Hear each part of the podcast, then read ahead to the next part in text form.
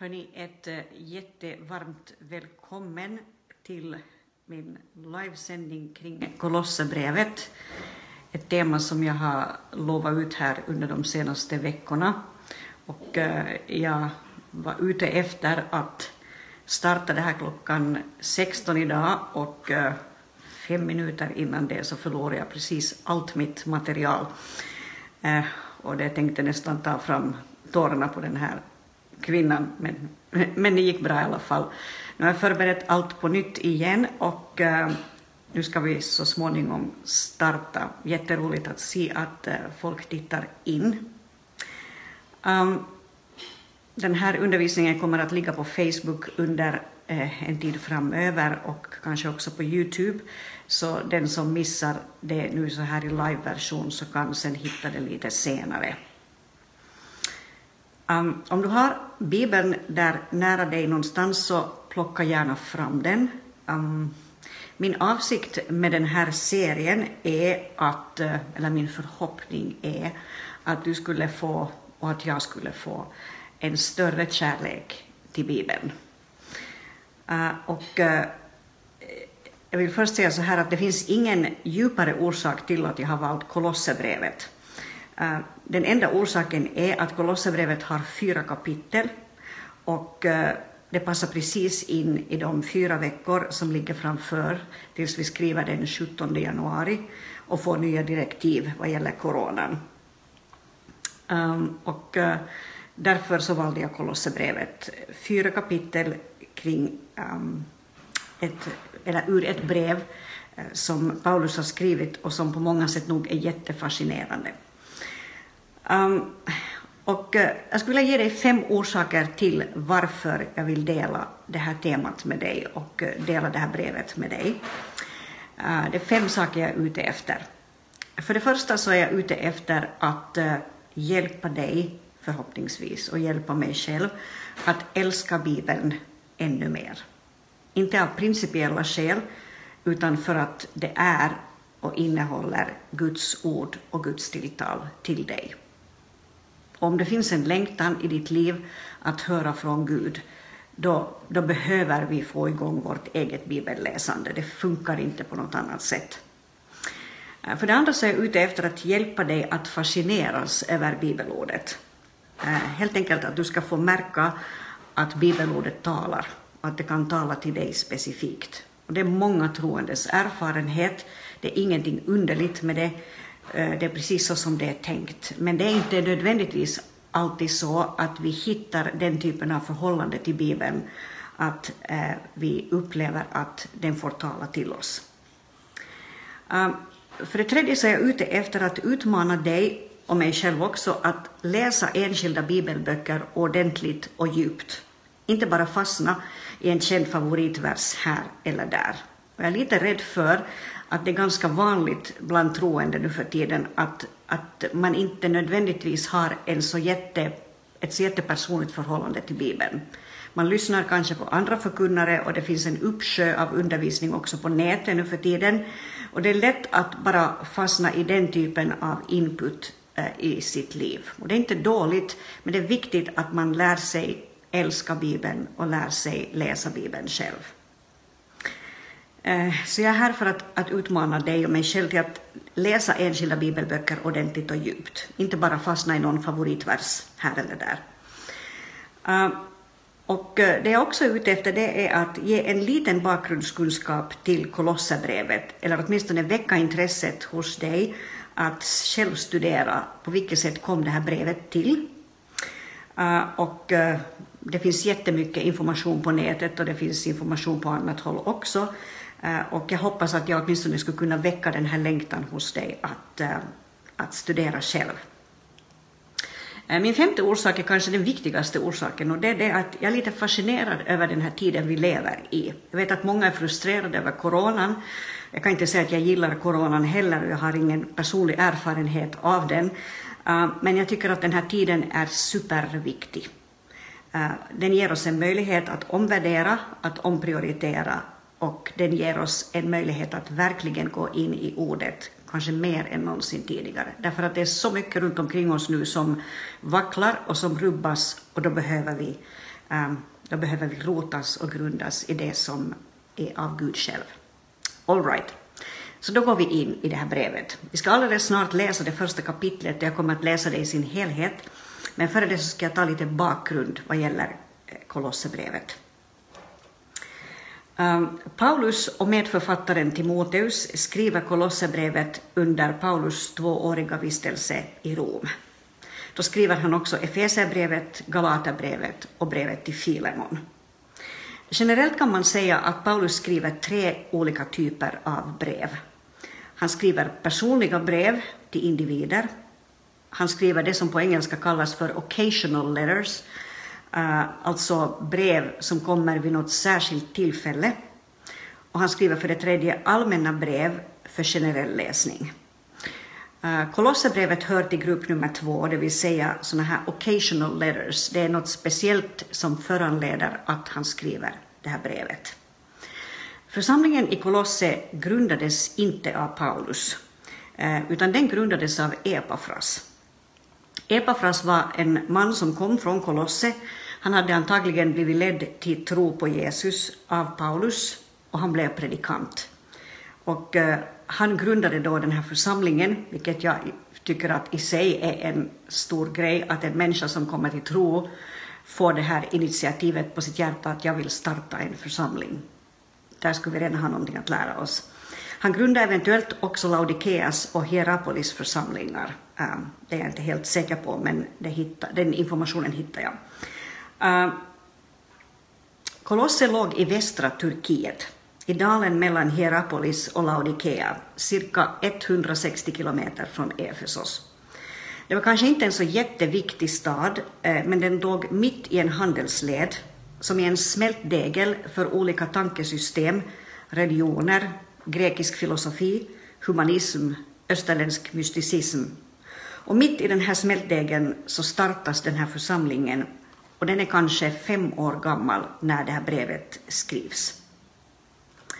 Eh, Filemon tog ganska snart över församlingen efter att Epafras hade grundat den. Eh, och i något skede, ganska snart, så händer något som gör att Epafras, församlingsgrundaren, blir bekymrad. Han lämnar församlingen och han reser till Paulus som är i Rom. Och, och ett problem eh, verkar vara gnosticismen. Gnosticismen var en sån här synkretistisk, det betyder att man blandar, man sammanblandar olika typer av tänkande och, och läror. Eh, en synkretistisk villolära med början i judendomen eh, och den låg på sätt och vis skrämmande nära kristendomen eh, Eh, men ändå så var den riktigt sådär off track som man säger på engelska. Eh, man ansåg att Gud och hans värld var god medan den fysiska världen var ond och Jesus sågs som någon som levererade hemlig kunskap och han var bara skenbart en människa. Han var inte en människa på riktigt. Eh, och gensvaret på den här problematiken med gnosticismen så hittar vi sen i det här brevet. Det är ett mycket Jesuscentrerat brev, vilket vi kommer att se. Det finns en enorm tydlighet i vem Jesus är och vem han inte är. Och därför tänker jag att det är ett jätteviktigt brev också idag. Det finns en hel del synkretism, religionssammanblandningar i vår tid där man mixtrar och blandar alla möjliga olika typer av filosofier. Eh, och det är, liksom, det är okej okay att göra så nu för tiden. Så var det inte Eh, för 30 år sedan kanske, eller 40 år sedan på samma sätt. Men nu är det ganska populärt att man blandar en hel del grejer. Och eh, därför är det bra och eh, det är hälsosamt att läsa Kolosserbrevet för det finns en väldig sån här Jesus-centrering och en enkelhet i budskapet om Jesus i det här brevet. Det är som om Paulus skulle vara ute efter att varenda människa, den minsta bland dem, ska förstå vem Jesus är. Ingenting invecklat, ingenting märkligt, ingenting annorlunda eller så här onaturligt, utan Jesus här och nu. Jesus tydligt närvarande, Jesus som den som kommer in i människors liv och förvandlar dem. Och då ska vi läsa den här texten. Och det står så här, jag läser från den första versen och du kan plocka fram Kolosserbrevet själv. Den kommer efter Filipperbrevet, där hittar du den. Och det står så här, från Paulus, genom Guds vilja Kristi Jesu apostel och från vår broder Timoteus. Till de heliga i Kolosse, de troende bröderna i Kristus, nåd vare med er och frid från Gud, vår Fader. Vi tackar alltid Gud, vår Herre Jesu Kristi Fader, när vi ber för er. Vi har hört om er tro i Kristus Jesus och om den kärlek ni har till alla de heliga. På grund av hoppet som är förvarat åt er i himlen. Om detta hopp har ni redan hört det sanna budskapet, det evangelium som har kommit till er och finns i hela världen och växer och bär frukt. Så har det också gjort hos er från den dag ni fick höra det och lärde känna Guds nåd sådan den verkligen är. Det har ni fått lära er av Epafras, vår käre medarbetare, som troget tjänar Kristus i vårt ställe. Han har berättat för oss om er kärlek i anden. Från den dagen eh, vi hörde om det har vi därför inte upphört att be för er. Vår bön är att ni ska uppfyllas av kunskap om hans vilja med all andlig vishet och insikt så att ni kan leva värdigt Herren och i allt behaga honom när ni bär frukt i alla slags goda gärningar och växer till i kunskapen om Gud. Hans härlighetsmakt ska då styrka er och ge er all kraft till att vara uthålliga och tåliga i allt. Med glädje ska ni då tacka Fadern som har gjort er värda att få ta del i det arv som de heliga har i ljuset. Han har frälst oss från mörkrets välde och fört oss in i sin älskade Sons rike. I honom är vi friköpta och har fått förlåtelse för våra synder. Han är den osynlige Gudens avbild, förstfödd före allt skapat. I honom skapades allt i himlen och på jorden, det synliga och det osynliga, tronfurstar och herravälden, makter och väldigheter. Allt är skapat genom honom och till honom. Han är till före allting och allt består genom honom. Han är huvudet för sin kropp, församlingen. Han är begynnelsen, den förstfödde från de döda, för att han i allt eh, skulle vara den främste. Ty Gud beslöt att låta hela fullheten bo i honom. Och genom honom försona allt med sig sedan um, han skapat frid i kraft av blodet på hans kors. Frid genom honom både på jorden och i himlen. Också ni som en gång var främmande för Gud och genom ert sinnelag och genom era onda gärningar hans fiender, också er har han nu försonat med sig, när han i sin jordiska kropp led döden. Um, han vill låta er träda fram inför sig, heliga, fläckfria och oförvitliga.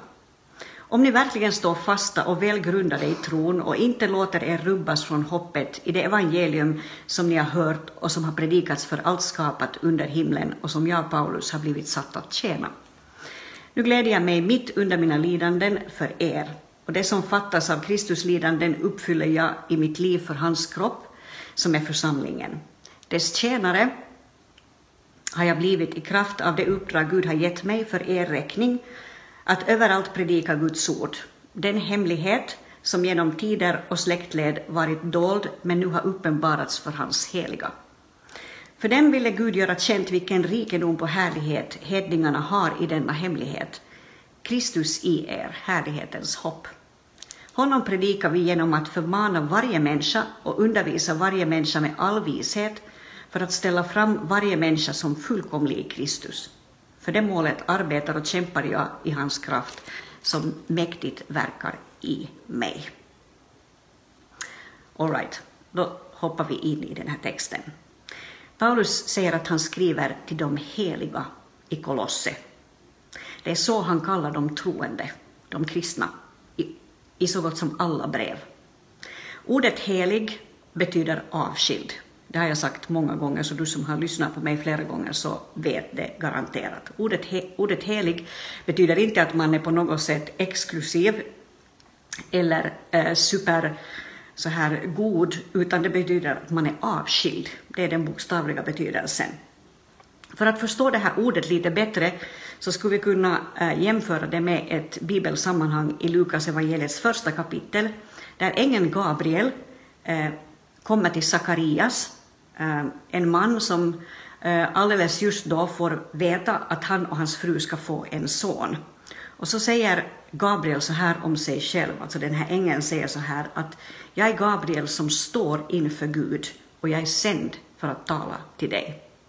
Alltså Gabriel säger att han står inför Gud. Han skulle, skulle lika bra kunna säga att jag är avskild inför Gud.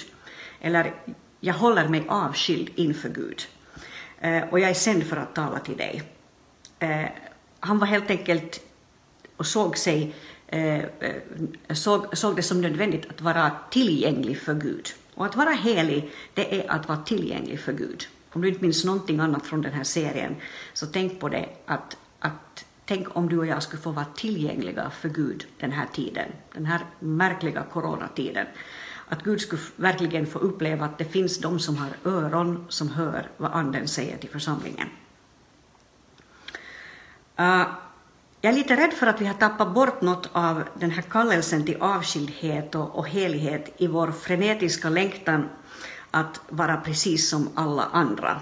Eh, det är inte så jätteovanligt Eh, att, att jag hör kristna säga så här att på, man, man, på något sätt nästan överbetonar att, att jag är precis som alla andra människor. Och, och det är helt sant, det stämmer också om mig. Jag är precis samma skrot och korn som alla andra människor. Det finns stora problem i mitt liv och det finns det i de flesta människors liv. Men det att jag är helig, det betyder att jag är avskild. Jag är satt åt sidan för Guds syfte. Och det att du är helig, det betyder inte att du är perfekt, utan att du är satt åt sidan för Guds syfte. Uh, och när vi börjar det här året, eller ett, ett nytt år som snart börjar, så, så hoppas jag att det här ska kunna vara på något sätt vår identitet och vår tanke om oss själva. Att det här året så vill jag vara avskild och jag vill vara tillgänglig för Gud. Uh, att det i vårt liv får finnas ett sånt här tala Herre, din tjänare hör. Uh, i, i oss. Så går vi lite vidare. Um, Paulus önskar dem nåd och frid. Och det finns en liten risk att vi tänker på de här orden nåd och frid som något slags, något slags såna här, vad ska vi säga, såna här lite liturgiska ord. Att prästen säger nåd vare med er eller frid från Gud vår Fader. Och, och, och, det är ju inte fel på något sätt alls att en präst säger så. Men, men nåd och frid är verkligheter. Det är verkligheter som man kan och får och bör få uppleva. Uh, inte som en sån här liturgisk ramsa, men som en livsrealitet. Uh, när, när Paulus säger till de här i Kolosse att, att uh, nåd ska få vila över dem, så då är han ute efter att de ska förstå att de är benådade som människor. De behöver inte gå omkring med kroniskt dåligt samvete. De behöver inte be om ursäkt för sin existens och känna sig supersyndiga, utan de påminns om detta att i Jesus Kristus så har de, eller genom honom, så har de klätts i en ny identitet. De har blivit Guds heliga, Guds avskilda och Guds nåd vilar över deras liv. Han ser inte på dem eh, eh med en sån här eh, frustration över allt som inte funkar i deras liv, utan han ser på dem genom Jesus Kristus. Det verk som Jesus har gjort när han bar vår synd på korset, det verket är något som gäller i våra liv och som gör att vi är kroniskt benådade eller, eller är alltid benådade. Och vi har alltid rätt till den frid som övergår allt förstånd. Och det är därför som Paulus skriver här, nåd och frid vare med er. Om det här inte landar i vårt liv, om det inte finns en, en nåd och en frid över oss, blir, blir vi lätt människor präglade av prestationskrav. Eh, och konsekvensen blir lätt oro. Vi försöker hela tiden eh, jobba på att bli bättre, jobba på att bli snällare, vilket i och för sig inte är någon dålig ambition alls. Men, men att få landa i Guds nåd och få landa i Guds frid och veta att han har accepterat mig, han älskar mig, skulle jag dö ikväll så har jag fullständig frid med Gud på grund av Jesus Kristus, inte på grund av att jag är så klok eller så bra eller så god, utan på grund av det som Jesus har gjort för mig. Det är egentligen det också som hela Kolosserbrevet handlar om. Det handlar om ett förhärligande av vem Jesus är och vad han har gjort. Det är ett brev som handlar om bara Jesus, som jag utannonserade här tidigare. Så Paulus hälsar dem med nåd och han hälsar dem med frid. Eh, och sen börjar han beskriva hur han uppfattar den här församlingen i Kolosse. Han säger att vi har hört om er tro och om den kärlek som ni har.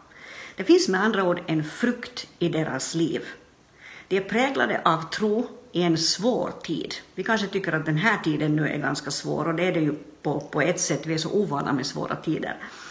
Eh, men, men de lever i förföljelsetider här i Kolosse och det finns en frukt i deras liv, eh, det finns en tro och det finns en kärlek som bär dem genom allt och de är präglade av den här kärleken. Det är en kärlek som Paulus kommer att tänka på när han eh, hör om dem och när han eh, får rapporter om den. Han har inte varit där själv, men han får rapporter om den här församlingen.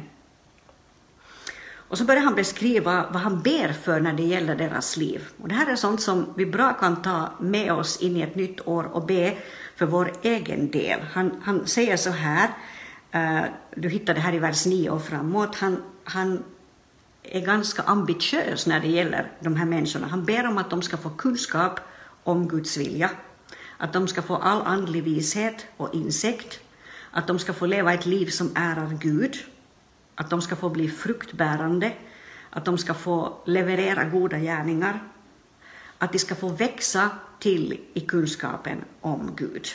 Det här är alla väldigt starka saker. Att få vara präglade av en kunskap om vad som är Guds vilja, andlig vishet och insikt, ett liv som ärar Gud, ett fruktbärande, goda gärningar, att de ska få växa till i kunskapen om Gud. Jag tänker mig att det här är, är, är, verkligen att sätta ribban ganska högt för dem och kanske också ribban ganska högt för oss.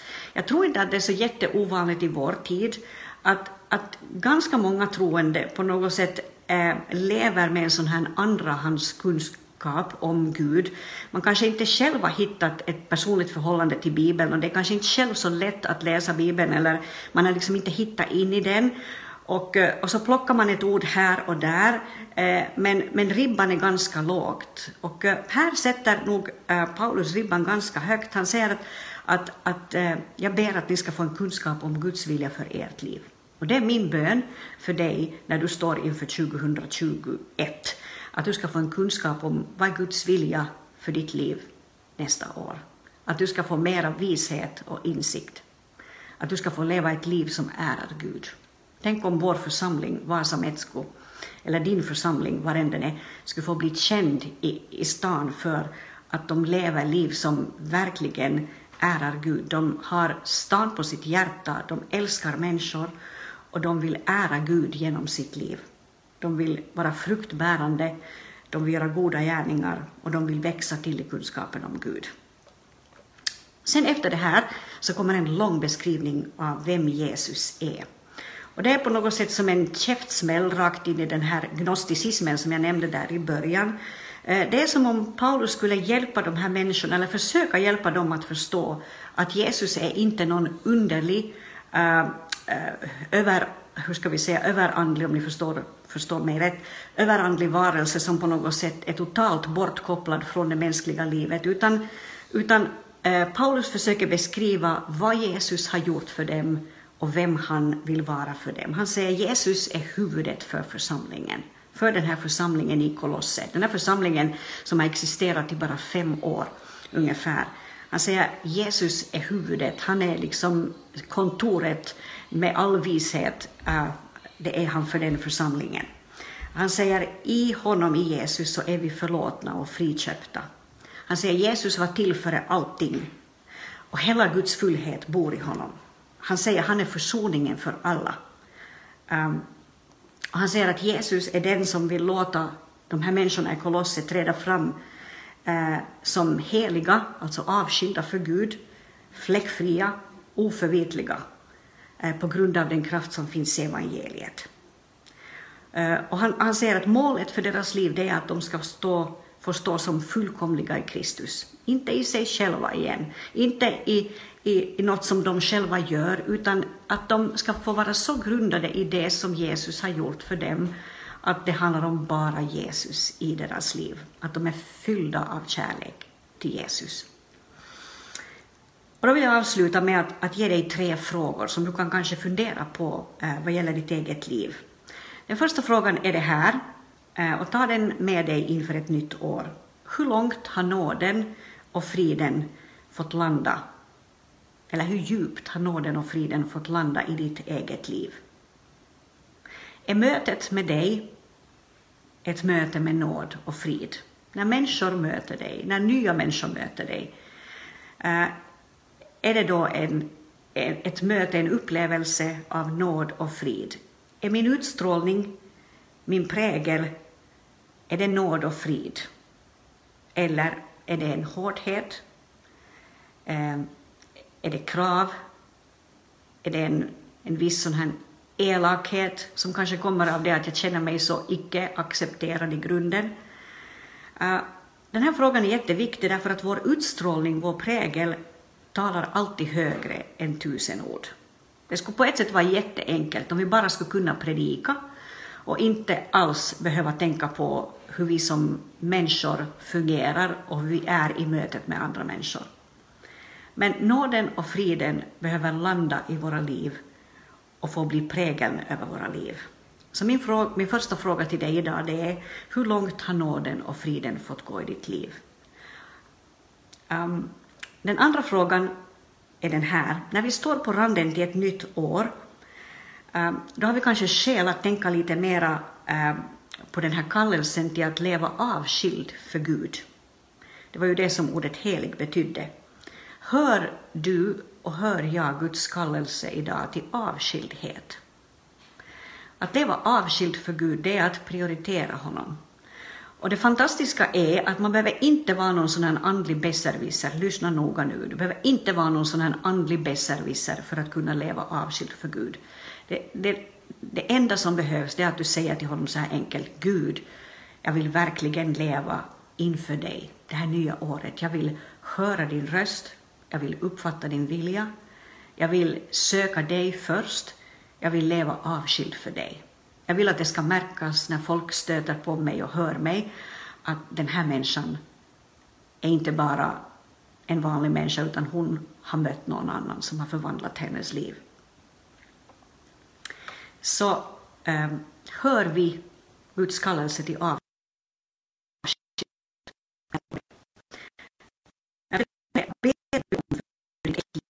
Just nu. Uh,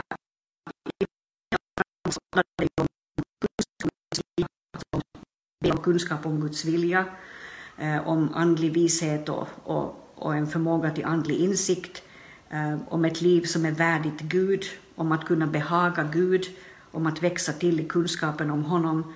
Vad ber vi när det gäller våra egna liv den här tiden?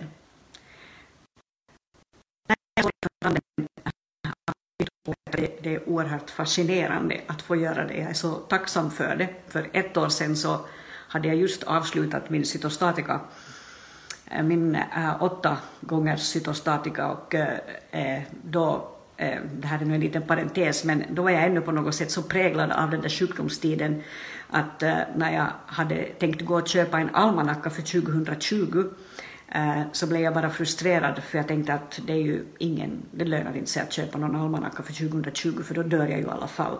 Nu har jag just levt hela 2020 och får gå och shoppa en almanacka för 2021, så jag är jättetacksam. Och därför vill jag tänka speciellt noga på de här frågorna eh, den här, den här senvintern nu eller, eller på väg in i ett nytt år. Hur långt har nåden och friden fått gå i mitt liv? Vad betyder det för mig att vara avskild för Gud? Och vad ber jag om för mitt liv just nu? Vad behöver jag mer av? Så ska vi be tillsammans här till sist och så träffas vi igen om en vecka. Jesus, jag tackar dig för att du är den som kallar oss till ett liv i helighet, i avskildhet för dig. Jag ber om att det skulle få bli verklighet för oss alla i den tid som kommer. Hjälp oss att tjäna dig av hela vårt hjärta. Hjälp oss att leva avskilda för dig, förstå att där finns vår primära kallelse. Oavsett om vi är sjuksköterskor eller pensionärer eller lärare eller, eller professorer eller sekreterare eller städerskor. Här är vår första kallelse att älska dig, att följa dig och att ära dig. Herre, jag ber om att det här ska verkligen få gå djupt i våra liv under, den här kommande, under det här kommande nya året. Det ber vi om i Jesu namn. Amen. Då vill jag önska dig en jättefin fortsättning på den här söndagskvällen. ber ännu en gång om ursäkt att jag inte fick det här att lyckas klockan fyra, men det handlar alltså om det att mitt material försvann i min dator. Men nu är vi back on track och eh, nu ses vi på nytt om en vecka och då går vi igenom Kolosserbrevet 2. Det kan du gärna läsa om du önskar här i veckan så är du förberedd på det som komma skall. Gud välsigne dig.